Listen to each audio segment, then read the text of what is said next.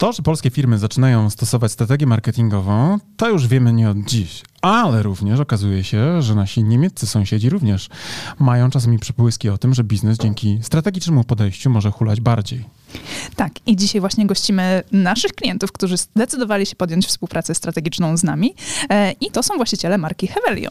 Tak jest, i to Hevelio, ta marka, ci mili ludzie opowiedzą o tym, dlaczego w ogóle właśnie postanowili pracować z polską firmą i uwaga, ja będę tłumaczył wszystko bardzo ładnie w trakcie, także nie obawiajcie się, będzie to rozmowa zrozumiała dla każdego. To wasz ulubiony, oczywiście. Podcast Wyższy Poziom Marketingu, Karol- Mariusz Łodyga Karolina Łodega również.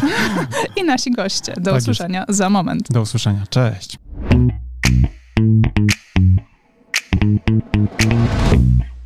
Cześć drodzy, jak tam wasza podróż? Słuchajcie, bo z tego co wiem, przejechaliście kawał drogi, żeby trafić tutaj do nas, do kreatywnej Tak, ale wyspy. może powiedzmy, bo jest z nami Paula i Jacek. Cześć, dzień dobry, witam. Witam. Chudy, Chudy. chudy. Chudzi. Chudy, chudy, chudowie, chudzi, czy jak, jak mówicie raczej, o sobie? raczej bardziej Paula Chudy i Jacek Chlopek. dokładnie. A, w ten Tak, sposób. jeszcze. Jeszcze. No tak. Jeszcze tak. Czyli nie jeszcze. wyjaśniliście sobie jeszcze tematu do końca. No, pierścionek jest, ale jeszcze terminu nie ma. Jak Także. długo, Jacku, tak się borykasz jakby z tym tematem? Przedłużasz ten temat? Przedłużasz ten temat? Jedyne 6 lat. Sześć lat, tak. No to Paula, musisz popracować nad konwersją, musisz z Karoliną pogadać, bo Karola ma na to swoje sposoby sprawdzone. O, Tak, to tak, tak. Mariusz, gdyby mógł, to by brał przykład z Jacka, ja tak ale nie cwaniaczyłem. pozwoliłam. Ja cwaniaczyłem, no. Myślałem, że pierścień założony na palec daje mi karencję taką, wiesz, dekadę co najmniej, nie? Spokoju. To po podcaście musimy zdecydowanie porozmawiać. Koniecznie to sobie ustalcie, nie? No. Jeżeli termin będzie ustalony, będziecie zaproszeni. No, no, O, no, super, miło, miło, bardzo miło. proszę. Tak, zwodzisz Paula. Słuchaj, no, bo będzie trzeba później być, wiesz, konsekwentnym. Przyjadą, a wiesz, ile to kosztuje pieniędzy ta waha w tej chwili? No tak, tak, No. tak, tak. Bo my, jak będziemy do was jechać, to będziemy chcieli rozliczenia kosztów dojazdu. Aha, nie, ma ma sprawy. sprawy. To da się załatwić jak Po, najbardziej. po, po goście poznańscy na ślub, nie? A może po prostu myśleć, że teraz jak szybko wezmą ślub, to my nie przyjedziemy, bo waha tak droga, że jednak nasza poznańska dusza nam nie pozwoli się wybrać tak I będą daleko. mieli powód do tego, żeby nie Tak. robić e, wesela, nie? Tak. Ale dobra, słuchajcie, to tak abstrahując z tego, tak trochę żartujemy, bo u nas na przykład kiedyś mieliśmy na naszym o, kawerze naszego podcastu Karolina i Mariusz Łodyga, tak podpisaliśmy pod sobie, wiesz, że twórcy. To oczywiście nasza społeczność e, zauważyła, że właściwie zasadniczo to jest m, mocno dyskryminujące dla Tak, Karoliny. To jest Karolina Łodyga i Mariusz Łodyga, albo Karolina i Mariusz Łodygowie. Tak. Choć my nie lubimy tej formy Łodygowie, aczkolwiek jest ona poprawna i w zasadzie powinniśmy ją stosować. I nas trochę tak społeczność trochę spingowała, challenge'owała i w tej chwili już nie mówimy o sobie, że Karolina i Mariusz Łodyga, tylko właśnie Łodygowie. Nie? Tak, O, Łodygowie. bardzo. To urosło do wa- Łodyżki. Łod- tak, niektórzy, niektórzy mówią, ale potem my przestajemy się do nich odzywać. Także generalnie jak ktoś nabija się z nazwiska, to momentalnie jest skreślany z listy osób do kontaktu, nie? Zdecydowanie tak. Tak. Dlatego mam zawsze dwa, trzy wolne sloty na mediach społecznościowych. A, okej, dobrze. Bo zawsze ktoś rzuci nieopatrznie jakieś głupie rzeczy i ja mówię, o to do widzenia, pygi, robimy miejsce dla kolejnego znajomego. Tak, ale my przecież nie przyszliśmy tutaj rozmawiać o nazwiskach. Tak jest. Choć one mają znaczenie, prawda? Przyznaj. E, tak, naming ma znaczenie. Tyle. No ale drodzy, słuchajcie, bo żeby naszym słuchaczom trochę wyjaśnić o co chodzi, to generalnie rzecz biorąc jesteście właśnie parą, która prowadzi razem własny biznes w Niemczech. E, Macie firmę, którą mieliśmy przyjemność obsługiwać pod względem strategicznym. Robiliśmy dla was strategię marketingową i trochę was poznaliśmy.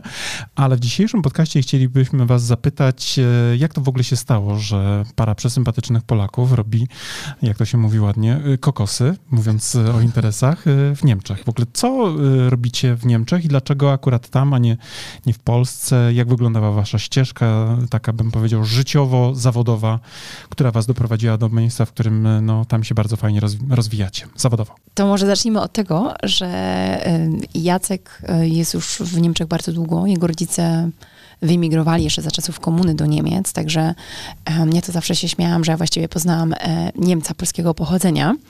E, no bo jak ma się trzy lata i się gdzieś tam e, wyjeżdża za granicę, no to łapie się bardzo szybko, prawda, ten język. Mhm. E, ja z kolei Jacka poznałam przez Tindera. No, Przez- No super. No. I tak wędrowaliśmy do siebie. Ja w tym czasie byłam jeszcze w Polsce i um, poznaliśmy się właśnie przez Tindera, wędrowaliśmy do siebie przez rok, po czym stwierdziliśmy, no tak już się dalej nie da. Waha droga, wa, waha Tak. droga. Waha droga, więc, e, więc dobra, albo w lewo, albo w prawo, albo wschód, albo zachód.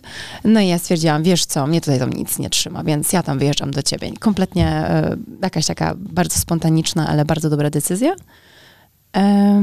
No i tak po prostu jakby ja wylądowałam w Niemczech, no i potem ten pomysł e, właściwie założenia firmy e, się pojawił gdzieś tam bardziej w Jacka głowie. To może bardziej opowiesz, Jacek, to już resztę przejmiesz. Ba bardzo, bardzo chętnie. E, było to tak, że po, po studiach ja praktycznie chciałem pracować e, w automotive, tak jak e, inżynier niemiecki powinien. Czyli BMW wytwarzać. Do, me, me, me, Merola Audiki. Dokładnie. No i wylądowałem u producenta pojazdów sportowych w Stuttgarcie, było to w Porsche i tam spędziłem kupę czasu. Miałem takiego kolegi z podstawówki, który e, bardzo prosił chociaż założymy jakąś firmę. I tak nie mieliśmy na tą firmę żadnej idei i tak w tą we w tą e, zastanawialiśmy się co jak i pewnego dnia dzwonił do mnie Julian właśnie, kolega i mówi, słuchaj, mam tu taką ideę, poznałem dwie babki, one się zajmują firmą e, pośrednictwa pracy. No i jest do zarobienia pieniądz. I czy byś nie chciał, nie chciał, y, nie chciał pracować w, tak, w takim biznesie? Ja mówię, kurczę, no po polsku mówię, jakieś tam kontakty mam, może, może spróbujemy to. No i, i zdecydowałem i to było akurat w okresie, że poznałem Paulę która... I już jedno doświadczenie z przeniesienia Polaka do, do Niemiec. Tak, Ale to tak. w sumie rozumiem, że pierwszym pracownikiem była Paula. Tak jakby. Rekrutacja. Nie, nie, Dokładnie. Zre zrekrutowałem, zrekrutowałem Paulę. No i po Pauli powiedzieliśmy sobie, dobrze, rekrutujemy następny. I ścieżki przetarte. I tak, tak praktycznie to, to wszystko się zaczęło, że Paula była z, z działu marketingowego, mhm. znała się w tym, wiedziała jak jak, stworzyć markę, no bo to jednak najtrudniejsze, bo taki największy problem było to, że jak tutaj się wyróżnić, jeżeli jest w wyczuciu milion takich firm, które praktycznie robią to samo, no i tu weszła Paula w, grę. A ty, Paula, jeśli dobrze pamiętam, też pracowałaś już u takich dużych marek, prawda? Tak, tak, tak. Ja pracowałam w Nivei e, i też studiowałam e, w Stanach, więc jakby moim zdaniem oni mają też troszeczkę inne podejście w ogóle do spraw marketingowych, więc trochę taki, um, no inne miałam spojrzenie na to wszystko i też nie chcieliśmy po prostu tworzyć um, marki, która by była okej, okay, no jesteśmy kolejną agencją pośrednictwa pracy, halo, mamy pracę, nie? Tylko po prostu chcieliśmy pójść troszeczkę szerzej i, i, i przedstawić różnego rodzaju benefity e, płynące jakby ze współpracy z taką firmą, a poza tym, e, no nie ukrywam, że to, że ja sama jestem trochę takim imigrantem, bo już żyłam w Stanach i w Irlandii i teraz w tych Niemczech, um, Jacek jakby pochodzi z takiej trochę rodziny, więc my mamy też taki naturalny feeling do tego wszystkiego, nie? Jakimi problemami boryka się e, osoba wyjeżdżająca za granicę. Mhm. Więc to nie chodziło tylko o to, że Слушаем. Tworzysz firmę i ona, że tak powiem, um, dobrze funkcjonuje pod względem jakby marketingowym, sprzedażowym, ale ty też dajesz jakiś, jakiś added value, dajesz jakiś, jakiś benefit dajesz tym e, pracownikom, um, bo sam rozumiesz ten ból po prostu, wiesz jak to jest, nie? Tak, jak po prostu przechodzisz przez te wszystkie um, pierwsze etapy wyjeżdżając za granicę, mieszkasz gdzieś tam z ludźmi, jakaś pierwsza praca, te stresy, zmiana środowiska, nie umiesz języka, także absolutnie wgryzamy się w ten temat, rozumiemy go do szpiku kości i, i, wydaje mi się, że to jest też ten duży taki wyróżnik tutaj. Nie? Tak, i super fajnie, że o tym mówicie, bo generalnie, kiedy my opracowujemy strategie marketingowe dla naszych klientów, to jedna z fundamentalnych spraw, która zawsze jest do odkrycia, to są właśnie potrzeby grupy tak. docelowej, tak? Tych tak, tak. odbiorców, tak. co ich gryzie, jakie mają bóle, co, co ich motywuje do podjęcia jakiejś decyzji, właśnie chociażby zmiany miejsca do życia, tak? No, wyjazd do pracy za granicę, to jest ogromna zmiana w życiu każdego człowieka. No i to, o czym mówisz, tak? To jeżeli wy byliście w tej skórze, tak? Zmienialiście nie jeden raz swoje swoje miejsce zamieszkania, nie tylko załóżmy z Poznania do Wrocławia czy Warszawy, tylko właśnie do innego kraju, tak? do zupełnie innej kultury, do zupełnie innego języka, no to tam też są zupełnie też inne obawy w tym człowieku, który, który wyjeżdża. I to, że wy to potraficie zrozumieć, to też na pewno wkłada właśnie tą dodatkową wartość, o której mówisz, do waszego biznesu. No i to, kiedy zaczynaliście z nami pracę strategiczną, to też było widać już w waszej komunikacji i to też było super. I dla mnie to też było fajne doświadczenie pracy z wami, mhm. E, że wy do nas przyszliście i byliście, byliście już marką, która była naprawdę nieźle zaopiekowana, tak? Komunikacyjnie, właśnie brandingowo i, i widać było, że wy już się super rozwinęliście, ale chcecie wejść na... Next level, nie? ale poziom marketingu. Tak jest, tak. tak. jest, ale wiecie, to jest też to jest prawda, bo bardzo często pracujemy z klientami, którzy przez nie wiem ileś lat nam bardzo mocno ciągnęli w trybie dobry produkt sprzedaje się sam, prawda? I potem ktoś dochodzi do wniosku, że to jest taka Polska, tym mm. widzę, że tak trochę, widzę, że już odpłynęłaś trochę od naszych naszych tutaj kulturowych wzorców, No. ale, ale bardzo... Zakładali na przykład biznes w czasach, kiedy nic nie było na rynku, więc Jasne. w zasadzie cokolwiek się wypuszczało, to to się sprzedawało i Mm. teraz Tak. marki urosły, marki firmy urosły, no ale konkurencja się zrobiła duża i teraz są duże problemy, co dalej z tym wszystkim Mm. zrobić, tak? Mm. Bo wcześniej o to no, nie było potrzeby dbać, a teraz jest to już w zasadzie obowiązek. Być albo nie tak. być, nie? Często. W każdym razie u was było tak, że de facto jak patrzyliśmy na waszą komunikację, to ona była już bardzo taka dojrzała i dobrze poukładana i zaopiekowana i doinwestowana też pod względem na przykład chociażby samej y, sfery takiej wizualnej, bo wasza y, identyfikacja wizualna była też już właściwie praktycznie rzecz biorąc, my w samym procesie strategicznym niewiele ingerowaliśmy, dołożyliśmy pewne y, aspekty różnicujące grupy docelowe, ale zasadniczo, jak sama dobrze wiesz, my nie rekomendowaliśmy istotnych zmian z poziomu właśnie projektowania identyfikacji, Tak, co jest właściwie u nas niewystępującym czynnikiem, bo zawsze my się do jakiegoś klienta, w zasadzie mówiąc tak kolokwialnie, przyczepiamy, bo u nas w Polsce bardzo często jest to trochę na odwrót, nie? że właśnie tak jak powiedziała Karola, geneza kulturowo-biznesowa jest taka, że mm, często firmy powstawały, nie wiem, kilkanaście lat temu na przykład, gdzie tłok na rynkach, w niszach, w których funkcjonowali, był niski. Mm. W związku z tym nie, nie czuli takiej presji, no bo skoro jest rotacja nie, produktów albo też jest popyt na usługi, to po co inwestować w coś, skoro jest dobrze jak jest, nie? Tak, tak, tak, Na- zdecydowanie. natomiast wy wychodzicie z takiego trochę kręgu kulturowego, biznesowego, w którym generalnie rzecz biorąc y, łatwo już pewnie było wprowadzać coś na rynek, bo tak jak sam słusznie Jacku zauważyłeś, y, masz świadomość tego, że jest pierdyliard, mówiąc potocznie, y, marek zajmujących się tym samym i teraz Dokładnie. jak wejdziesz z tym samym komunikatem, robiąc dokładnie to samo, to masz jedyny argument, pozyskując klienta, hej, ale ja zrobię to na przykład e, taniej, albo w ogóle naj, najpierw na przykład na początku za wpis do portfolio, mówiąc bardzo, bardzo No. obrazowo, nie? Więc tu na pewno duże, e, duże takie plusy z naszej strony na dzień dobry. A ja chciałem jeszcze zapytać propos różnic kulturowych, bo ja pamiętam, że rozmawialiśmy o tym, że e, my postrzegamy trochę Niemców jako takich poukładanych, sprocesowanych, takich no bardzo korekt, a z kolei mnie zaskoczyło to, że ty powiedziałaś, że z kolei owszem tak, ale widzisz, że oni są mało kreatywni. Chciałbym, żebyś to rozwinęła trochę w tym kontekście, bo pamiętam, że właśnie ty bardzo dużo pracujesz z polskimi kreatywnymi firmami. Tak, tak, tak, zdecydowanie. Em, Pracujemy z dużą e, ilością e, agencji kreatywnych tutaj, e, no, dużą ilością, to nie jest tak, że mam 20, ale ma, mam parę takich naprawdę wybranych, zaufanych. Powiem tak, to słowo kreatywność może być różnie postrzegane oczywiście, Tak. nie? Ale patrząc na taką, na naszą branżę, no bo jeżeli mówimy powiedzmy o jakichś tam branżach automotyw typu Porsche i tak dalej, no to wiadomo, że ta kreatywność jest trochę na innym poziomie, tam są też inne budżety, umówmy się. Ale jeżeli chodzi o naszą branżę, to miałam wrażenie, że ona jest taka po prostu no, taka zastała, taka konserwatywna strasznie i, i taka właśnie bez tej nuty kreatywności, bez takiej lekkości, gdzie mi się wydawało, gdzie e, można naprawdę taką powieść tam e, wrzucić i, i, i od razu byłoby mi milej i przyjemniej. Em, Dużo szarych marynarek, dużo szarych marynarek, grubych właśnie. brzuchów, krawatów Właśnie, czerwonych. tak, tak, tak, właśnie, U, dokładnie. u nas się mówi, piwo ukształtowało to wspaniałe ciało. Tak, dokładnie. I właśnie, I właśnie w Niemczech e, czasami mam takie wrażenie, że, że jest, em, oni są tacy bardzo sfiksowani na em, bezpieczeństwie, Mhm. co z jednej strony jest jakby fajne, tylko że bezpieczeństwo to jest taka trochę odwrotność kreatywności. Tak. Żeby być kreatywnym, to Mhm. trzeba trochę podjąć ryzyko, mieć poczucie trochę takiej wolności i więc czasami trudno wyjść z tego schematu, nie? Więc ta, żeby ta kreatywność na pewno gdzieś tam się urodziła, no to może być trochę trudno.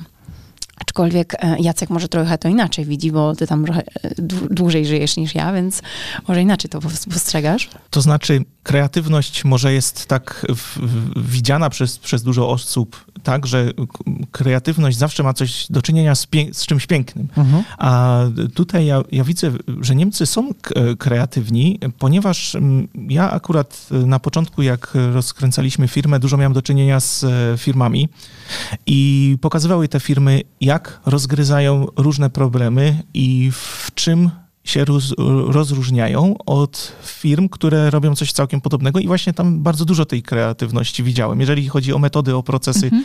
które są stosowane, no to nie jeden może jakieś e, zna metody Kaizen, czy tam Pokajoke Mhm. i mało ludzi może wie, że bardzo dużo tych metod pochodzi z Niemiec. Po prostu to jest ulepszone przez tam jakieś firmy, które Mhm. po prostu mogą to lepiej sprzedać. Tak? Ja myślę, że ta niemiecka kreatywność jest No. bez wątpienia faktem. Ja na przykład byłem właśnie zaskoczony, kiedy Paula powiedziała, że Niemcy są niekreatywni.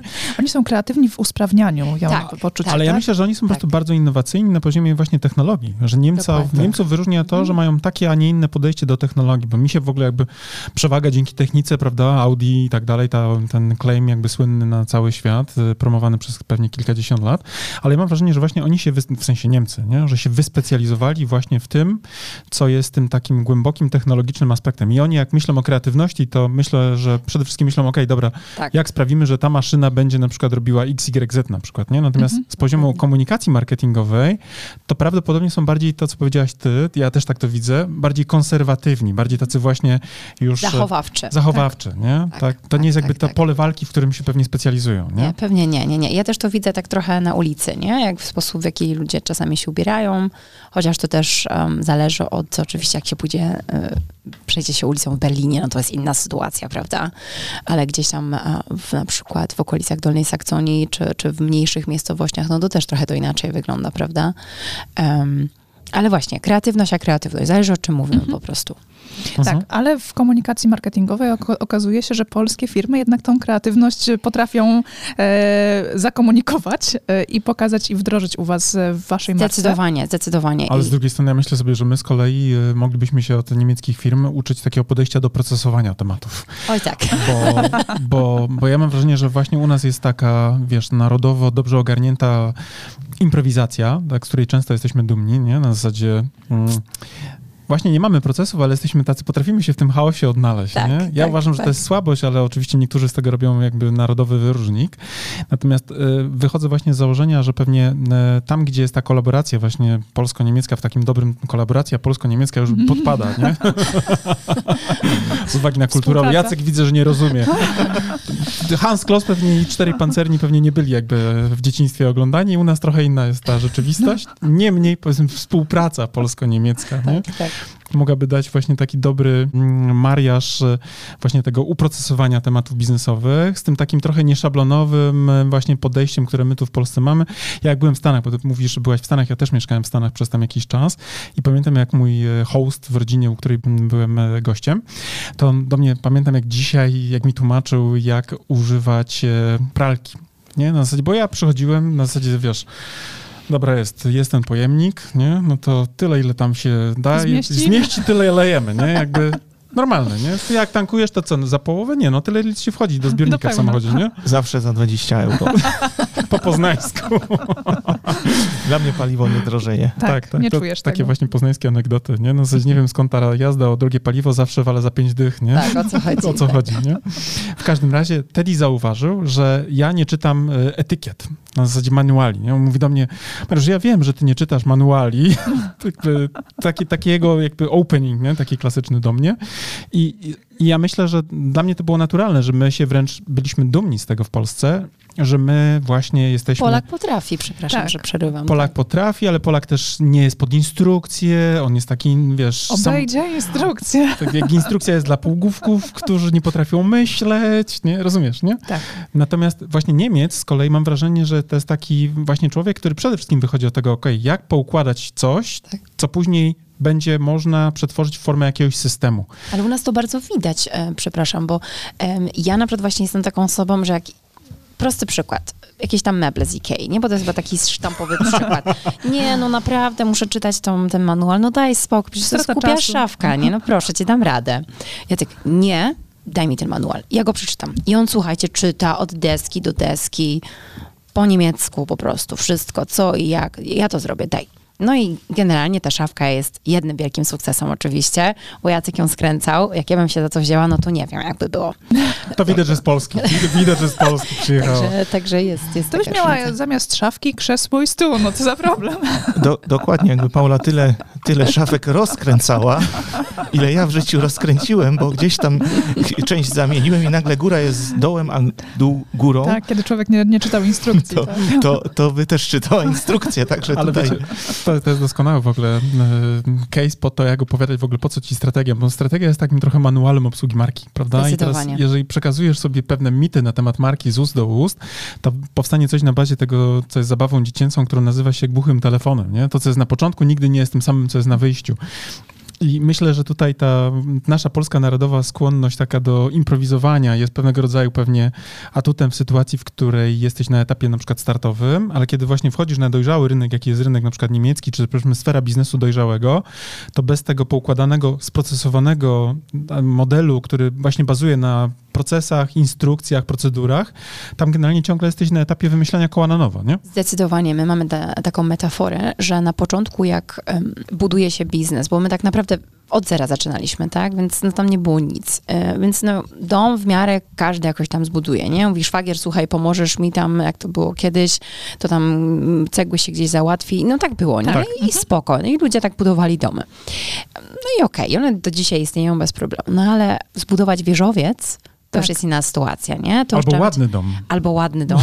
E, e, aczkolwiek ja właśnie zawsze użyłam tej metafory wieżowca, że tam trzeba już się znać, prawda, na bardzo e, konkretnych konstrukcjach, trzeba mieć architekta, on musi ci powiedzieć, słuchaj, bo jak tam jakiś wiatr przyjdzie, to Tak. nie, że tam połowa budynku ci od, e, odleci, nie? Tak. Także my używamy zawsze taką metaforę właśnie, że żeby skalować biznes, musisz naprawdę już potem mieć konkretną strukturę, procesy i to jest mozolna praca. Genialne. To jest Genialne. mozolna praca, e, bo po prostu każdy mały detal należy spisać. I uwaga, jeszcze to, że to spiszesz, to, To jeszcze nie nie jest ta historia. Potem, Tak. potem trzeba e, Do tego wracać. mozolnie wracać do tego. I to nie, nie, że sam jako osoba musisz mieć sam w sobie bardzo dużo dyscypliny. Poza tym musisz cały czas umacniać i, i- jakby jak taką mantrę po prostu e, swoim pracownikom o tym przypominać, nie? Słuchaj, ale proces wygląda tak, tak i tak.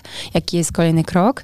Mamy krok 1, 2, 3, 4, 5 um, i, i non-stop trzeba, że tak powiem, z tym pracować, nie? To jest... Tak, plus jeszcze, jeżeli jest taka możliwość, to znajdować Tak. elementy, które można usprawnić, tak? Bo przecież to No też o, o to w właśnie. tym chodzi, tak? Żeby nie popełniać cały czas na przykład tego samego błędu, czy też nie spowalniać czasami pracy, mimo tego, że jest spisane w procesie, to będziemy tak robić, tak? Chociaż wiemy w tyle głowy, że po co to robimy, można by to usprawnić na przykład testując nowy proces, tak? Jego modyfikacje.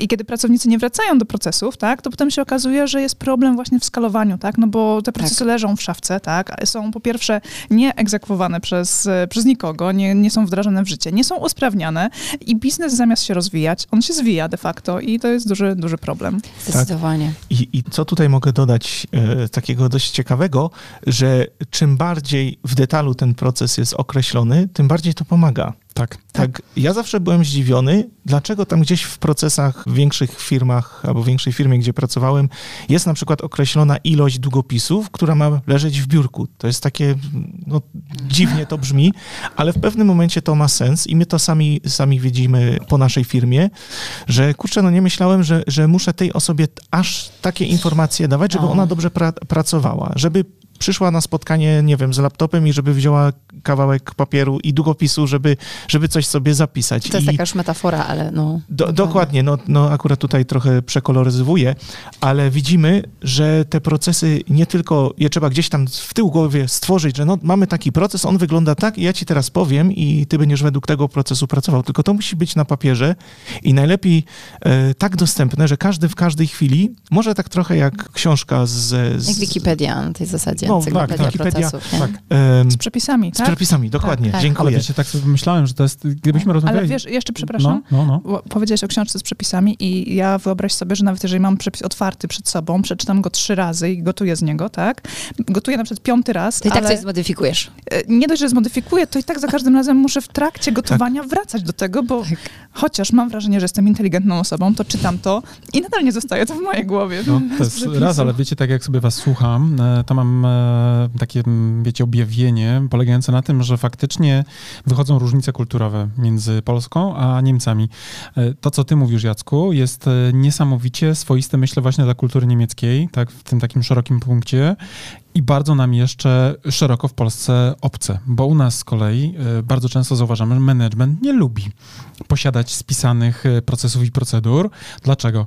Bo to w pewnym stopniu to jest miecz obustronny. Pracownik może później powiedzieć, słuchaj, no ale stary, taki dostałem proces, tak zrobiłem. Mm. I wtedy na przykład menedżer traci trochę, wiecie, lewar, nie? No bo nie może powiedzieć, no faktycznie, wiesz, to jest mo- moja wina, bo ja te, za te procesy odpowiadam, w związku z tym nie mogę ciebie obarczyć na przykład porażką, nie? Ale Rozumiecie, tutaj nie? pojawia się słowo autentyczność, nie? Tu należy po prostu powiedzieć, o kurczę, rzeczywiście trzymam też sobie takie sytuacje, że wydawało mi się, że coś jest tak i tak, a potem pracownik mówi, no ale tu jest to i to, a ja tak, Hmm, no rzeczywiście, masz rację. I można z tego pięknie wyjść po prostu. Ale to jest nie tylko I autentyczność. bycie autentycznym i powiedzieć, fajnie, że to zauważyłeś, czy zaraz to, zaraz to to- skorygujemy, to nie? poprawić, Ale to tak? nie jest tylko autentyczność. To jest oczywiście, wiesz, oczywiście, że to jest autentyczny szef, który potrafi się przyznać do błędu, ale to też jest dojrzałość.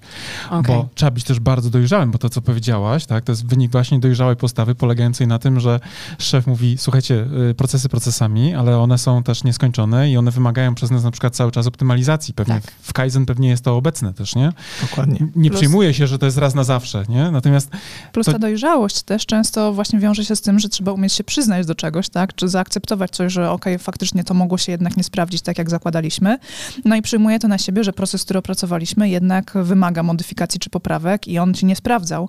E, A niestety dużo osób na e, tych kierowniczych stanowiskach nie chce przyjmować No nie, e, informacji, no, jest, że po co jej to? Bo u nas w Polsce jest bardzo często jeszcze taki, Jacek Santorski mówi o tak zwanym e, folwarku, w sensie takie zarządzanie folwarczne. Oczywiście wiadomo, to, to jest lekka generalizacja i wiadomo, że są firmy, które zarządzają w sposób taki bardziej, bym powiedział, e, no właśnie dojrzały, ale też bardzo często właśnie takie firmy, które mają proste jak konstrukcja CEPA model biznesowy, na zasadzie, nie wiem, coś, nie wiem, robią takiego, co nie wymaga specjalnej finezji, gdzie pula talentów jest na niskim poziomie, w sensie ludzi zatrudnionych, no to tam oczywiście jest bardzo mocno hierarchiczna struktura, nie? Jest jakiś tam kierownik, który ma tych swoich, nie wiem, wykonawców tej wizji i on niespecjalnie lubi być challenge'owany przez jakiegoś, wiesz, Kowalskiego i nie, nie, niespecjalnie jest otwarty na zasadzie szefie, ale ten, ten pomysł na to, żeby pracować w ten sposób nie klei się, nie? Można zrobić lepiej. Ale my tutaj, jeżeli mogę... A u was chyba jest trochę... Właśnie chciałam to powiedzieć, że właśnie Jacek, skoryguj mnie, jeżeli ty to jakoś inaczej widzisz, ale wydaje mi się, że jak najbardziej tutaj jesteśmy spójni, że my właśnie mamy taką kulturę, że my często to mówimy, słuchajcie, rozwijamy procesy i uwaga, one mogą się zmienić, nie? Bo sytuacja Super. nagle rynkowo się zmieni. Jak Super. mamy, słuchajcie, inflację, no jest dynamiczna sytuacja ekonomiczno-społeczna, polityczna i tak dalej. I jeżeli wy widzicie jakieś rzeczy, ja to my często mówimy, jeżeli wy widzicie jakieś rzeczy, które Mm, halo, halo, coś tutaj się nie zgadza. Tak. Proszę powiedzcie, my nie jesteśmy alfą i omegą. Tak, My wszystkiego nie możemy wiedzieć. tak. I, I po to mamy też tych ludzi, którzy muszą i przyjść i powiedzieć, słuchaj Jacek, słuchaj Paula, no ja to trochę widzę inaczej. No fajnie, że to widzisz inaczej. Dlaczego? Oczywiście argumenty, fakty, nie? To, to nie jest, bo, Nie, bo, bo tak, Bo tak, nie? To tak mi się wydaje, Ja, bo mam ja. taką myśl, nie?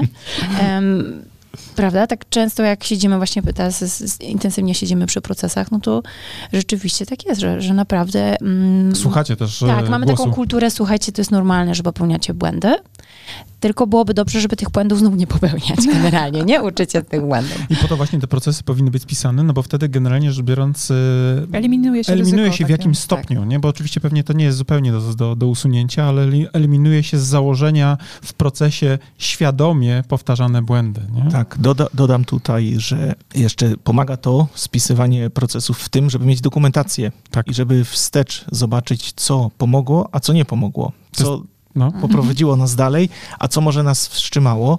I mamy teraz u nas, że tak y, może bardziej przejdę do takich y, autentycznych spraw, m, taką sytuację, że jak mamy jakiś crisis, to po prostu wszyscy, wszyscy do, do biura i, i razem myślimy nad problemem, co tutaj zrobić, żeby osiągnąć ten i ten efekt, że orientujemy się bardziej nad rozwiązaniem problemu niż na um, Personalnym ataku, kto to zrobił. do- nie, e, dokładnie. Super. Analizujemy, nie? Okej, No. co poszło nie tak? Przeanalizujemy tą sytuację, gdzie na przykład, bo u nas jest taka też sytuacja, że mamy dosyć, że my pośredniczymy, em, pomagamy ludziom znaleźć pracę, to również zakwaterowanie, prawda? Więc jakby ten, cała struktura nasza firma jest troszeczkę bardziej skomplikowana. To się tylko nie opiera na tym, no tu masz umowę o pracę, do widzenia, idziesz do pracy, nie? Robić, robić.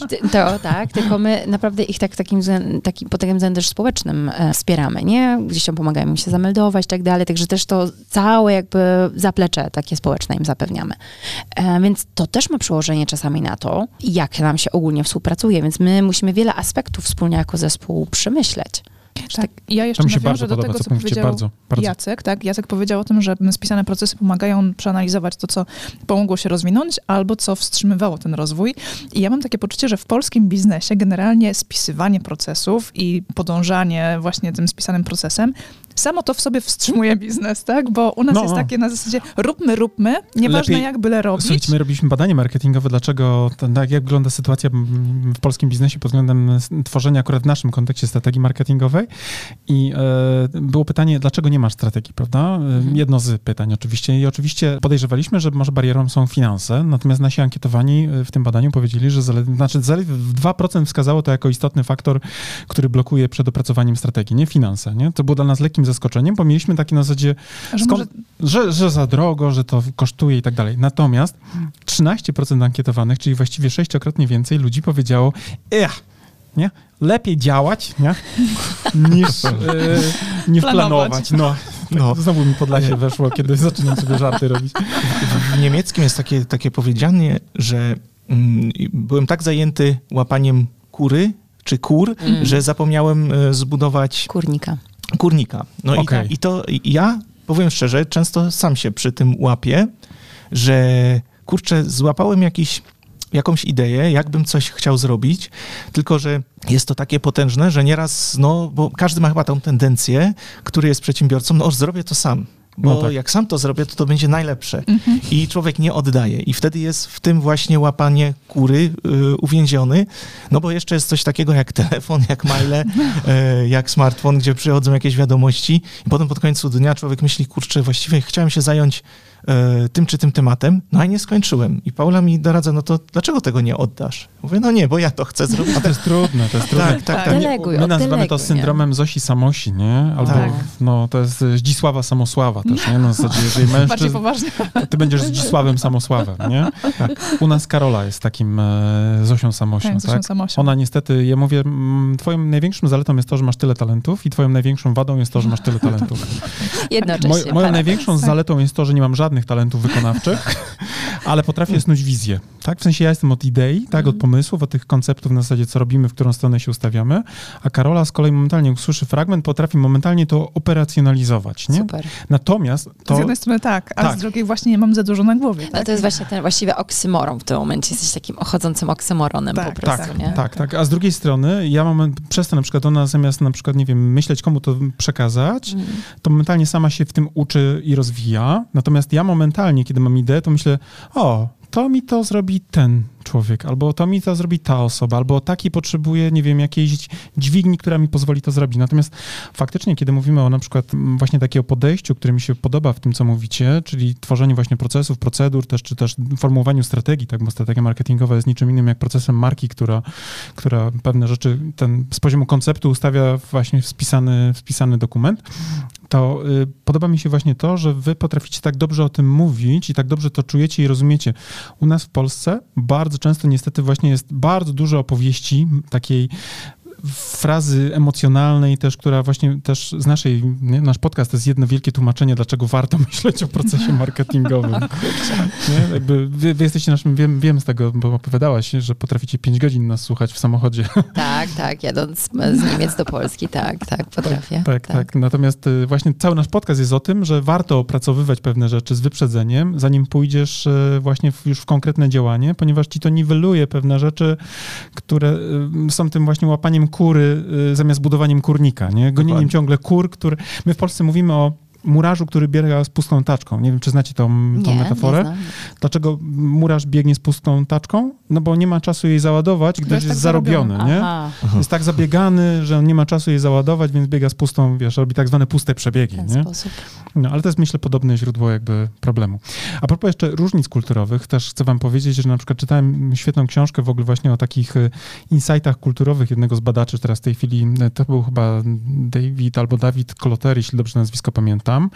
E, On e, pracował właśnie na, dla różnych takich globalnych marek, pomagając im optymalizować pewne rzeczy na rynkach międzynarodowych. I Niemcy byli bardzo zdziwieni, a właściwie właściciele marki Lego, którzy próbowali sprzedawać produkty Lego marki, e, swojej marki w Niemczech. Zresztą, nie wiem, bawiłeś się klockami Lego jako dziecko? O, Jestem kolekcjonerem Lego.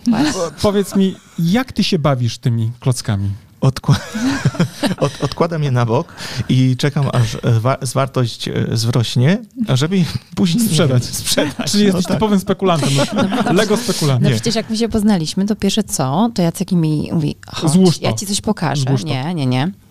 Oto moja kolekcja Lego. A ja tak, aha. Już za nią No dom fajnie. można postawić. Ja ostatnio widziałam u nas na Allegro jest jakiś No zestaw naprawdę? klocków Lego, chyba te z Gwiezdnych Wojen, e, ta Gwiazda Śmierci albo jakiś tam inny wahadłowiec, ja się na, na, na tym nie znam, za chyba 40 tysięcy złotych. To właśnie jest moja specjalizacja, te wszystkie Star Warsy.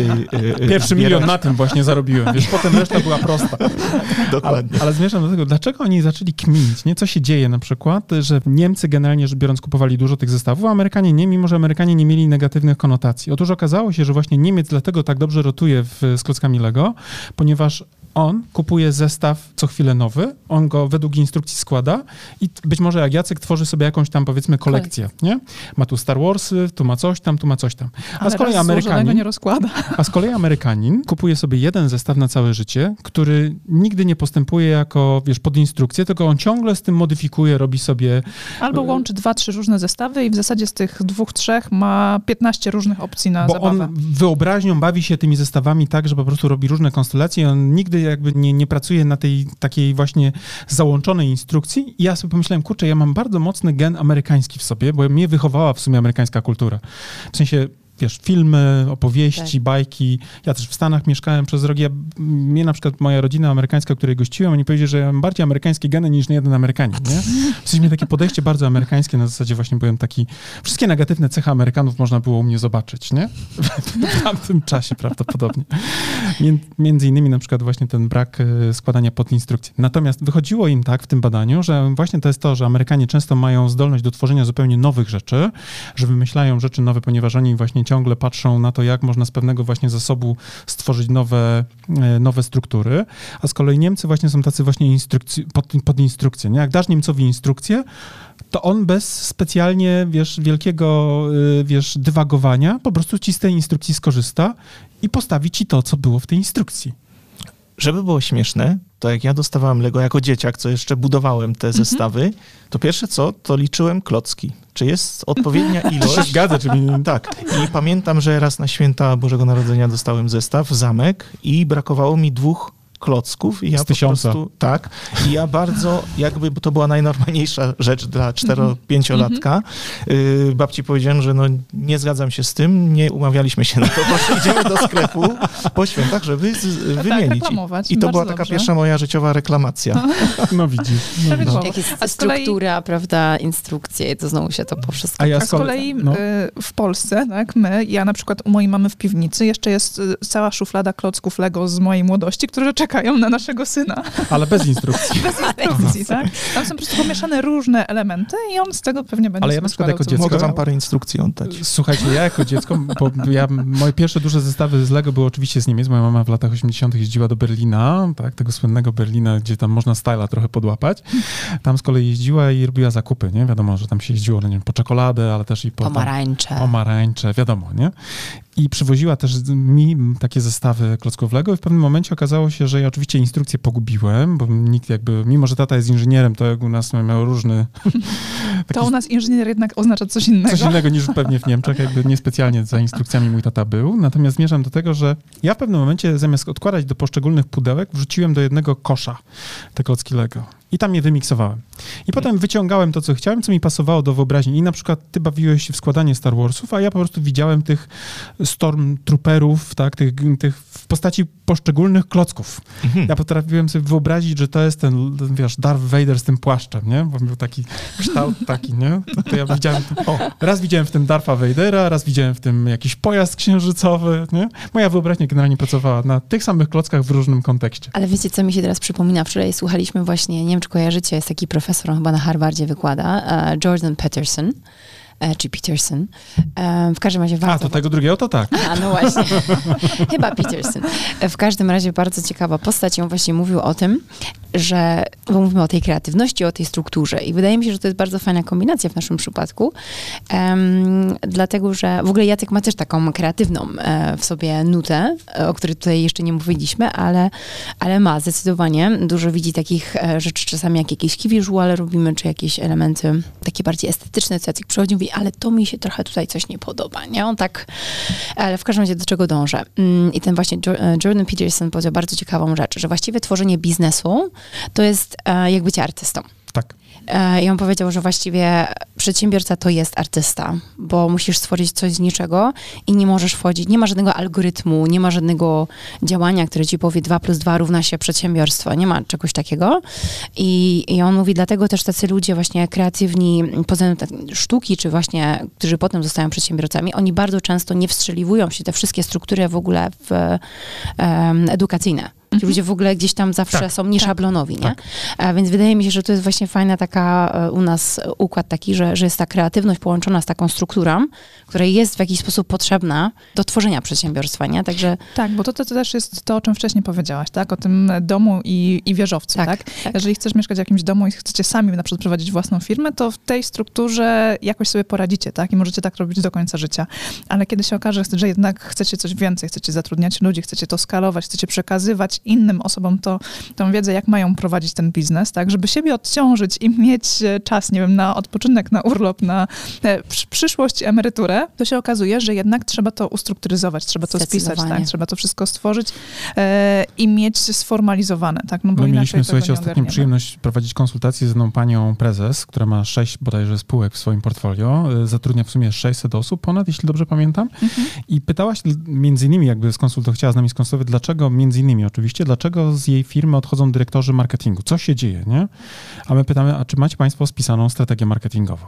Nie? No to oczywiście pani prezes mówi, nie, nie mamy. Nie? Widzi pani, no bo to jest ten problem, który polega między innymi na tym, że y, jeżeli mamy dużą strukturę właśnie, tak, mamy tych sześć spółek, którymi trzeba zarządzać i zatrudni się jednego dyrektora marketingu, któremu nie spisze się strategii marketingowej dla każdej z tych marek, to on po dwóch tygodniach już zaczyna rozumieć, kurczę, tu jest coś, co będzie dla mnie dużym wyzwaniem psychologicznym, a po sześciu miesiącach zaczyna kombinować, jak się przenieść gdzieś, gdzie będzie miał jasno określone wymagania. Ale to jest prawda. My, my, my działamy coraz bardziej na takich, okej, mamy oferty pracy gdzieś tam po niemiecku, po polsku, po angielsku. E, Zaczynamy gdzieś tam właśnie, tak jak myślę, większość ludzi z, po, po ukraińsku gdzieś tam też działać, czy, czy w rynki nawet, czy to rumuński i tak dalej. Mhm. I zaczynasz widzieć, że tak, o, o, to zaczyna się robić bardzo skomplikowane i musisz mieć jakąś strukturę. Mhm. To, Tak. to, to już nie da się po prostu tego ogarnąć. Także myślę, że ten dyrektor marketingu, jeżeli ma pod sobą tak skomplikowaną strukturę e, Zadań. w- Tak. zadaniową, no to on po prostu tak zwyczajnie, tak jak dobrze powiedziałeś, pod względem psychologicznym już jest przerażony, nie? Tak. Tak, i dla niego to jest ryzykowne. tak. Dla niego I ucieka na przykład na personalnie. L4 albo zmienia firmę, tak, gdzieś Tak. pójdzie. I powiem wam, A że no, też jeszcze dodam, no. ryzykowne to też jest dla osób, e, które są właścicielami, tak? No bo one miały w Absolutnie. swoich głowach wizję swojej marki, potem oddają tę wizję, przekazują na jednym czy dwóch spotkaniach dyrektorowi. Mm. E, Ten dyrektor zaczyna coś zmieniać, tak? No bo chce się wykazać, chce być kreatywny, chce pokazać, że właśnie coś wie, widział, być może zapożyczy od innej marki, w której wcześniej pracował, albo w ogóle od e, czegoś, co zobaczył na rynku. I okazuje się, że on wprowadza zmiany w markę, których właściciele nie przewidywali, nie chcieli, żeby coś takiego się Mhm. działo, tak? I albo nie tutaj- wpisuje im się ich- w ich światopogląd, natomiast generalnie rzecz biorąc, I się no, tutaj rodzą też napięcia. rodzą się napięcia, a z drugiej strony też ten człowiek, którego zatrudnili na przykład, y, poprzez swoje doświadczenia wie, że na przykład, nie wiem, tego typu pozycjonowanie dla marki na takim rynku może niespecjalnie być atrakcyjne, nie? I teraz on nie ma punktu odniesienia do powiedzenia, bo jak nie ma na przykład opracowanej strategii, to on nie ma na przykład punktu odniesienia, w którym mówi, słuchajcie, na tym etapie na przykład, jeżeli mamy komunikować to, to i to, to musielibyśmy na przykład, nie wiem, jeszcze raz zapytać naszą grupę docelową, co może być dla nich istotnym wyróżnikiem, nie? Co może sprawić, że ten komunikat siądzie, a dopiero potem zastanówmy się, w jakich miejscach w ogóle zacząć znowu prowadzić intensywną komunikację, która, uwaga, będzie nas kosztowała jakieś pieniądze, nie? No to my tak tutaj rozmawiamy Tak? o wielu rzeczach, Tak. Właśnie co dają właśnie spisane procesy, co dzięki temu można osiągnąć, co można osiągnąć dzięki opracowanej strategii marketingowej. I mieliśmy przygotowane dla was pytanie, jak wpadliście na pomysł właśnie opracowania strategii marketingowej? I dlaczego akurat nas wybraliście? Dlaczego... I mam wrażenie, że poprzednia część naszego podcastu trochę odpowiedziała na to pytanie, ale tu Mariusz jeszcze właśnie podkręcił piłkę, dlaczego akurat nas? Co tu się stało? Co tu się wydarzyło? To chyba ja muszę odpowiedzieć na to pytanie, bo ja wykonałam ten telefon, albo może napisałam tego maila, teraz już nie pamiętam. Więc tak, jakby nasza firma e, zaczęła się dość tak dynamicznie rozwijać i ja w pewnym momencie właśnie jak, jak, jak ten dyrektor marketingu, zaczęłam się drapać po głowie i mówię, mm, tutaj trzeba coś zdziałać, coś trzeba zacząć zmieniać i, i trzeba nadawać większą strukturę temu wszystkiemu i em, wydaje mi się, że bycie też e, gdzieś tam osobą zarządzającą, e, czy to w dziale marketingu, czy w jakimkolwiek dziale, to jest taka też samoświadomość, co się potrafi, czego się nie potrafi, tak? I tak jak właśnie to dobrze powiedziałeś, Mariusz, że czasami pewne rzeczy należy powiedzieć, ok, mam pomysł, wiem, że to i to mi jest potrzebne, ale nie mam może takich kompetencji, albo muszę je rozwinąć, albo są ludzie, którzy o wiele lepiej to ode mnie potrafią, nie? Więc um, szukałam, że tak powiem, firm, które mogą nam w tym pomóc i dostałam cynka. z podlady? Z podlady? Tak, z podlady, e, od jednej z naszych e, bardzo zaprzyjaźnionych, cudownych agencji reklamowych z Polski. I oni powiedzieli, no wiesz co, no my znamy właśnie Karolinę i Mariusza e, Łodygów, tak? Łod... Boże, nie wiem jak teraz tak. odmienić, przepraszam. Łodygowie. Łodygowie, tak. Ale w tej formie Łodygów, tak. Łodygów, tak, dokładnie. Tak. E, i, I powiem ci, że no, pracowaliśmy z nimi i e, pracowaliśmy z dużą ilością innych firm, ale ich zagiąć to się nie dało. Oni mi na wszystko odpowiedzieli. Ja mówię, o, to brzmi bardzo dobrze. Um, więc oni dali mi właśnie tutaj podpowiedź, namiar na was, zadzwoniłam do was i no reszta to jest historią. Byłam pod wielkim wrażeniem po prostu waszej kompetencji, tego w jaki profesjonalny sposób podchodzicie do, do tematu. Um, I co mi się też bardzo podoba, że wszystko było właśnie ustrukturyzowane. Ale ja wiedziałem, że jak Był... dzwonią z Niemiec, słuchaj, koniec z tym naszym dawaj wiolo, wiesz? Excel, dawaj tabelki, dawaj, dawaj tabelę, przecież to z Niemcami nie ujedziemy. Tak, nie, nie, naprawdę, było, nie, nie, że sobie teraz tutaj tak gadamy na podcaście, tak was chwalę, to jest autentyczny przypadek, że był plan, um, kiedy, co robimy, jakie są etapy, jest jakaś, widać, metoda tutaj w tym wszystkim. Um, też mnie tam po prostu uh, trzymaliście za, za, za Mm, za, krótko. Za, za, krótko. Halo, tutaj są deadlines. Przepraszam, bardzo mi się to podobało, jest super. Um, pani Kasia, która z nami pracowała, genialna osoba, widać, że bardzo kompetentna, taka zna się na rzeczy. Więc jakby stąd, nie? Po prostu chcemy, chcemy skalować i, i jestem świadoma, że pewnych, pewnych rzeczy same, sami nie, mo, nie możemy już zrobić, albo po prostu potrzebujemy kompetencji, które wy akurat macie i pomożecie nam po prostu rozwinąć biznes e, dalej, nie? Jakby no warto otaczać się ludźmi, którzy są kompetentni. Pięknie, Jezu, to, to się nadaje po prostu na tekst reklamowy, nie? To musisz, Karola, teraz zobacz, ja poddaję ideę, nie? Karola, zrób z tego fajną reklamę, znaczy, bo inaczej, to się nadaje. Mariusz zawsze mówi, musimy zrobić z tego reklamę. No bo ja, ja uważam, tak, że trzeba się dzielić, dzielić Musimy coś zrobić razem. Tak. E, zróbmy czyli de facto zróbmy to, Zrób czyli Karola teraz, zrób. na jutro. ASAP, ASAP. No. Tak to ja jeszcze, jeszcze muszę się wiele jako szef nauczyć, taki mały szef, nie? Bo ze mnie to jest taki mini szef, dlatego że Karola ma 49% udziałów w naszej spółce, więc y, Gratulujemy. Niewiele mogę, niewiele mogę tu powiedzieć, jako na przykład, wiesz, jako dominujący udziałowie. Jakiś ciebie dominujący. Według matematyki tak. No, ale to tam, wiesz. Generalnie, na szczęście wiem, jak dużo Karolinie zawdzięczam. Koni, a jeszcze chciałem was zapytać o wasze doświadczenia takie korporacyjne, bo bardzo mnie interesuje też twoje spojrzenie na markę Porsche, bo to jest absolutnie benchmark, prawda, jeśli chodzi o w ogóle myślenie o tworzeniu marek. Powiedz mi, jak ty patrzysz w ogóle na, na tego typu brandy, jak tam się pracuje w ogóle, jak tam podchodzi się do w ogóle podejścia, do filozofii tworzenia tak e, genialnego brandu, jakim jest e, ta kultowa marka? Wiesz co, Mariusz, właśnie mm, może dzisiaj tu siedzimy i może założyłem firmę, właśnie te wszystkie istoty, które osoba zewnętrzna, patrząc się na taki samochód, e, widzi w tej marce.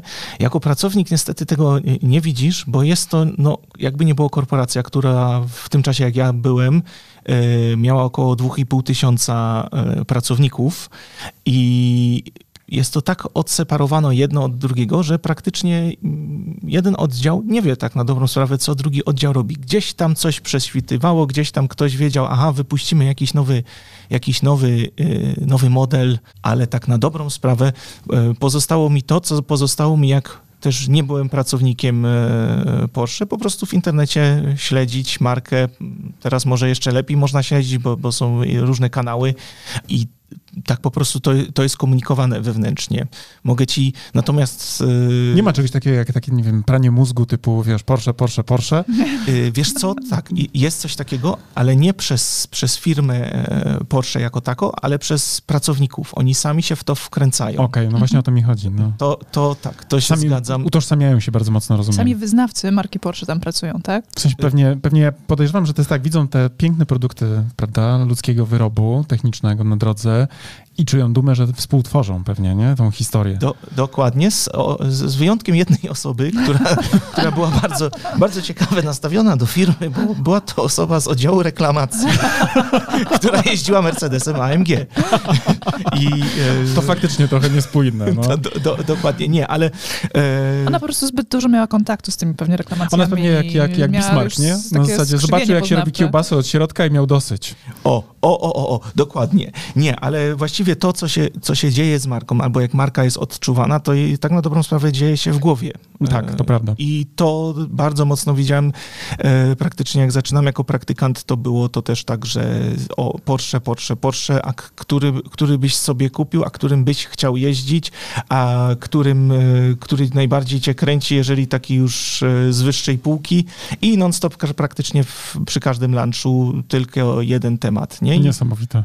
Oczywiście wewnętrznie Porsche to budowało tym, że, że dla praktykantów na przykład robili jakieś tam e, dni otwartych drzwi, no że wtedy ten praktykant też mógł dotknąć i siedzieć w tym pojeździe i, i poczuć, co, co to znaczy. Niesamowite. A powiedz ty, Paula, bo ty pracowałaś też tak w Nivei, tak? Dobrze słyszałem? Tak, tak, tak, zdecydowanie. Tutaj co- w Poznaniu notabene. W Poznaniu robiłaś. No W proszę. Poznaniu, tak, tak, tak, w Poznaniu. Niesamowite. I powiedz No. mi, co, w marketingu tak też pracowałaś? Czy, E, czy w ja w ogóle tak.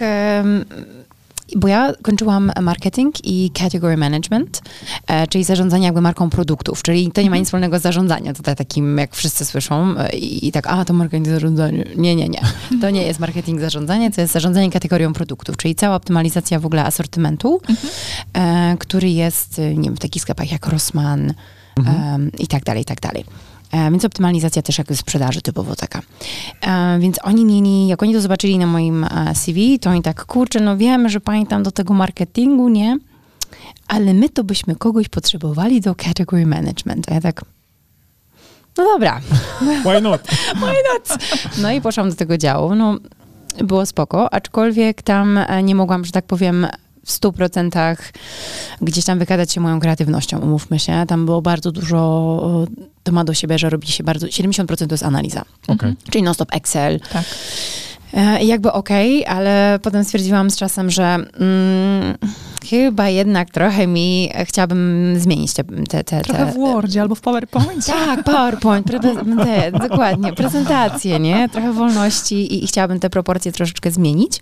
I potem trafiłam do działu shopper marketing. To było też ciekawe, e, bo tam mieliśmy już takie większe projekty typowo no, no shopperowe, promocje i tak dalej i, i e, pracowaliśmy też z dużą ilością marek typu, nie wiem, no Tesco, Rossmann i tak dalej. E, No wiadomo, Nivea ma dość dużych klientów. Em, tak samo mogę to potwierdzić, że rzeczywiście ludzie żyli tym, że oni po prostu pracują dla Nivea Tak. i, i to jest takie wow. Aczkolwiek em, jakoś tak byłam z tego w jakiś sposób dumna, fajnie, no dostawa- dostawaliśmy też różnego rodzaju, wiadomo, z tego tytułu, czy jakieś produkty się dostawało, czy jakieś zniżki, no to było super.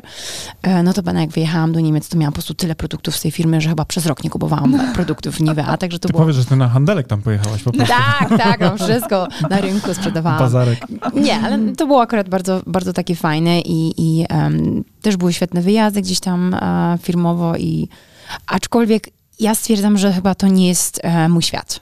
Okej. Dlatego też po prostu my chyba mamy po prostu tą działalność, bo em, duża korporacja to, to nie jest mój świat, jakoś nie, nie czuję bluesa, powiem tak, nie?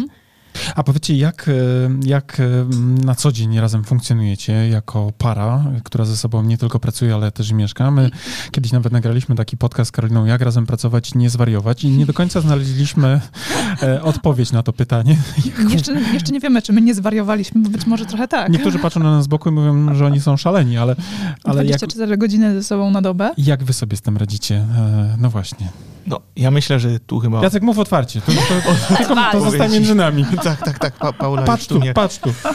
Paula, Paula pod stołem już mnie tutaj e, traktuje. E, myślę, że mm, jeżeli się jest przedsiębiorcą i jeżeli się ma y, taką firmę, która już do pewnej wielkości mm, doszła, no to nie ma czegoś takiego jak życie poza. Mhm. Praktycznie my wstajemy i zaczyna się, ty zobacz, co za, napisała koleżanka z pracy. Mhm. No faktycznie, no już do niej dzwoni, już do niej pisze maila i e, wieczorem przy kolacji jest to samo. Słuchaj, bo mam taki pomysł, co sądzisz o tym? I tak po prostu praktycznie to jest... Czuję, jakbyś opowiadał nasze życie. Tak, tak, ale to, to, się, to się stało taką, taką pasją, bym powiedział, bo to nie jest, że my za karę chodzimy do tak, tej pracy. Dokładnie. I to jest właśnie to, dlaczego my może odchodziliśmy e, z firm, e, z korporacyjnych układów i stworzyliśmy coś własnego, bo mamy, możemy to samemu tworzyć. I co jest fajne, że jak się właśnie ma plan na to wszystko, to, to też to działa. I też Super. widzimy, że codziennie coś,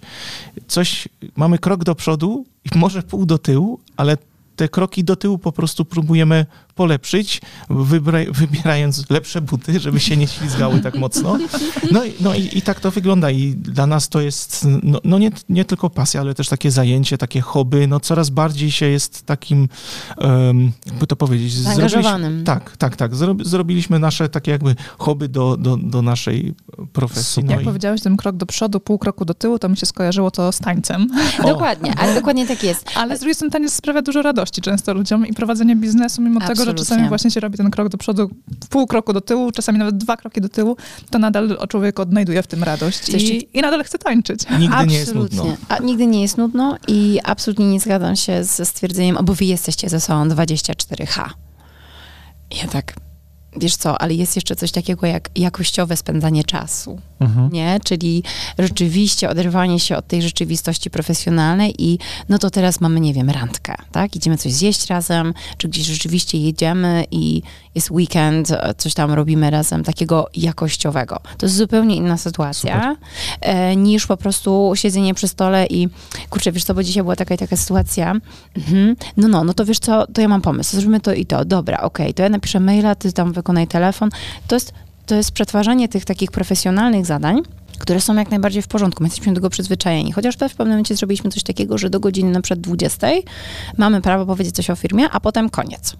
O, nie? sobie taką zasadę, że tam, że do którejś godziny, koniec, nie, już nie rozmawiamy o firmie, żeby mieć taki mentalny A reset. jak ktoś coś powie o firmie, to 100 euro do słoika.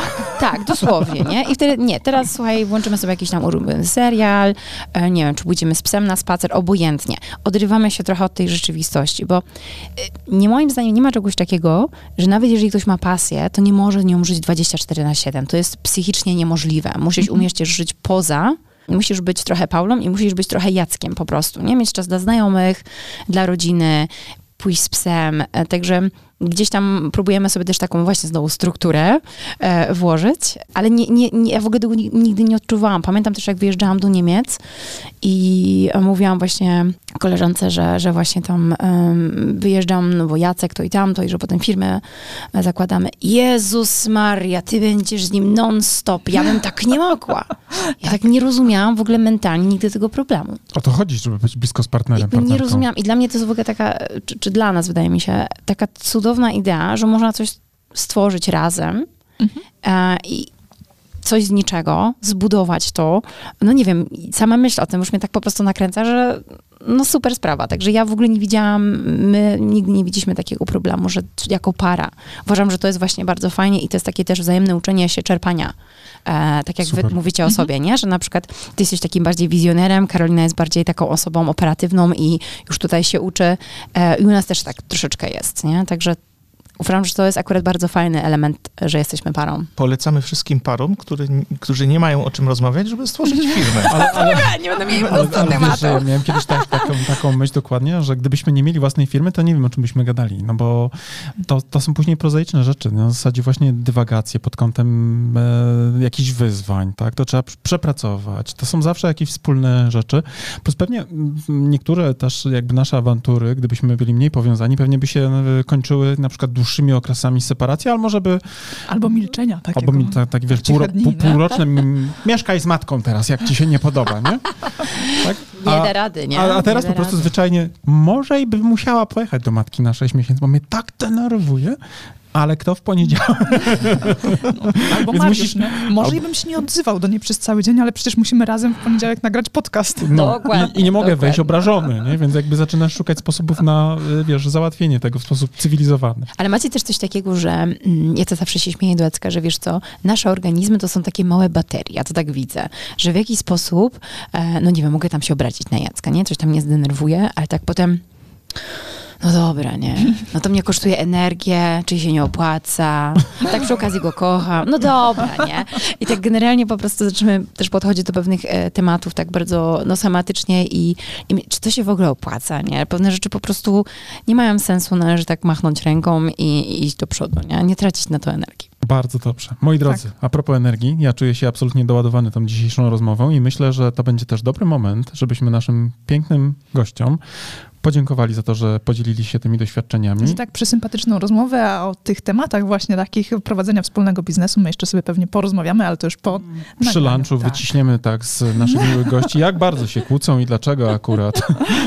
Wszystko wyjdzie. Wszystko Tak. wyjdzie, ale już niech zostanie to trochę domeną prywatności. Moi drodzy, było nam bardzo miło. Dziękujemy, Dziękujemy, że że byliście nas z nami. Dziękuję dziękujemy. również. Tak, e, a drodzy słuchacze, drogie słuchaczki, dziękujemy, że wysłuchaliście tej rozmowy. No i oczywiście mówimy już teraz, bądźcie z nami, bo wyższy poziom marketingu jeszcze nie kończy swojego nadawania. Jeszcze nie. Do usłyszenia w kolejnym odcinku. Bądźcie z nami. Cześć. Cześć.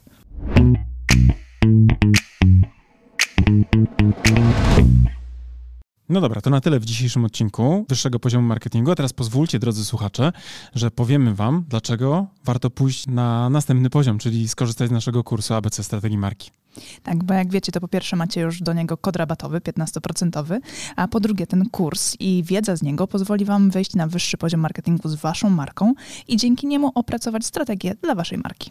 I to jest oczywista oczywistość, prawda? Tego byśmy nawet nie musieli mówić, gdyż już na pewno wiecie. Natomiast to, co nie jest pewnie dla Was jasne, to to, z jakich elementów składa się ten kurs, prawda? Pierwszy taki, najważniejszy, od którego zawsze wychodzimy, który, uwaga, jest najmniej pewnie spektakularny, no bo wiąże się przede wszystkim z tą robotą w okopach, czyli analizą, prawda? To jest ten pierwszy obszar, który jest naprawdę niezwykle istotny. Dzięki naszemu kursowi APC Strategii Marki będziecie wiedzieli, jak zrobić badanie marketingowe, które pozwoli Wam określić to, co nazywamy fachowo consumer insightem, czyli insightem konsumenckim, albo inaczej mówiąc po polsku, po prostu tak jak należy, patriotycznie, co jest potrzebą konsumenta. Tak, ale też e, ten kurs pozwoli wam przejść do drugiego etapu, czyli etapu strategicznego i opracować strategię waszej marki, czyli znaleźć też unikalne pozycjonowanie dla waszej marki. No oczywiście, jak to zrobić, dowiecie się z kursu, natomiast zaręczam Wam, że ta wiedza, która jest w tym kursie przedstawiona, zdecydowanej większości z Was pozwoli naprawdę zdystansować się od Waszych konkurentów i po prostu zwyczajnie zarabiać więcej. A skoro już będziecie wiedzieli, jakie macie unikalne pozycjonowanie przyjąć dla waszej marki,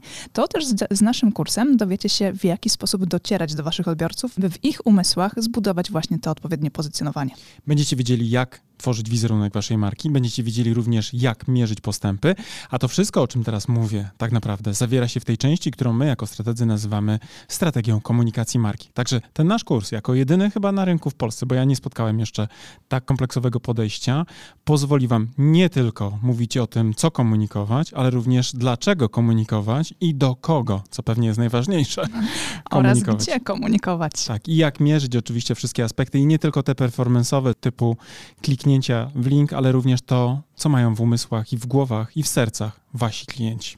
Generalnie ten kurs posiada bardzo, bardzo dużo informacji na temat tego właśnie, w jaki sposób, gdzie i co komunikować. I jeżeli chcecie się dowiedzieć dokładnie, co jest zawarte w naszym kursie, to zapraszamy na naszą stronę internetową. Natomiast z mojej strony mogę wam powiedzieć, że z czystym sumieniem go polecam jako współautor, ale też jako człowiek, który bardzo często wraca merytorycznie do tego kursu, bowiem nawet dla mnie, jako do człowieka, który pracuje na co dzień, ta wiedza, którą tam zebraliśmy, jest fundamentem, do którego ja też często wracam, kiedy potrzebuję pewne rzeczy sobie przypomnieć. A jak to robię? Przede wszystkim za pomocą własnej prezentacji, bo w tym kursie nie tylko jest treść wideo, ale również macie mnóstwo bardzo wartościowych załączników, chociażby na przykład 512-stronnicowa prezentacja. Ale uwaga, niech to was nie przeraża, ponieważ te slajdy są zrobione w sposób bardzo przyjemny i w taki sposób, że nie są przesycone treścią, a z drugiej strony esencjonalnie pokazują to, co jest w tej treści najważniejsze. Tak, a z tego praktycznego punktu widzenia w kursie macie również załączniki takie dodatkowe do pracy własnej, e, z którymi możecie opracować własną strategię. Jest szablon opracowania strategii marketingowej, ale też jest przykładowa strategia naszej marki. Tak jest i ta strategia pozwoli Wam nie tylko zobaczyć, jaki jest framework, na którym my pracujemy jako strategzy, ale również zobaczycie, jak to wygląda z poziomu projektowanych założeń i będziecie mogli później na przykład przejść na nasze kanały komunikacyjne, na przykład na stronę www i też zobaczyć w ogóle, jak to działa, to co my żeśmy zaplanowali, bo absolutnie, wierzcie mi, my funkcjonujemy dokładnie według tych założeń i nie tylko na poziomie przekazu werbalnego, ale również tego wizualnego języka, który jest podstawą właśnie opracowaną na bazie tych założeń. Tak. Zatem, jeżeli chcecie dołączyć do naszego kursu, zapraszamy na naszą stronę internetową. Jeżeli jeszcze nie jesteście pewni, również zapraszamy na naszą stronę internetową, by dowiedzieć się więcej. Bo być może my was nie przekonujemy jako autorzy, bo pewnie jesteśmy trochę nieobiektywni, ale jeżeli potrzebujecie jakiegoś dodatkowego głosu, to posłuchajcie i też poczytajcie opinii ludzi, którzy wzięli w tym kursie udział, bo myślę, że oni są faktycznie najważniejsi jako prawdziwi z krwi i kości uczestnicy. A z mojej strony też powiem, że ten kurs jako narzędzie takie merytoryczne, merytoryczne naprawdę pozwoli Wam wprowadzić Wasze marki na wyższe poziomy marketingu. To Wam gwarantuję już teraz. Trzymamy za Was kciuki. Do zobaczenia. Cześć. Do zobaczenia w kursie. Cześć.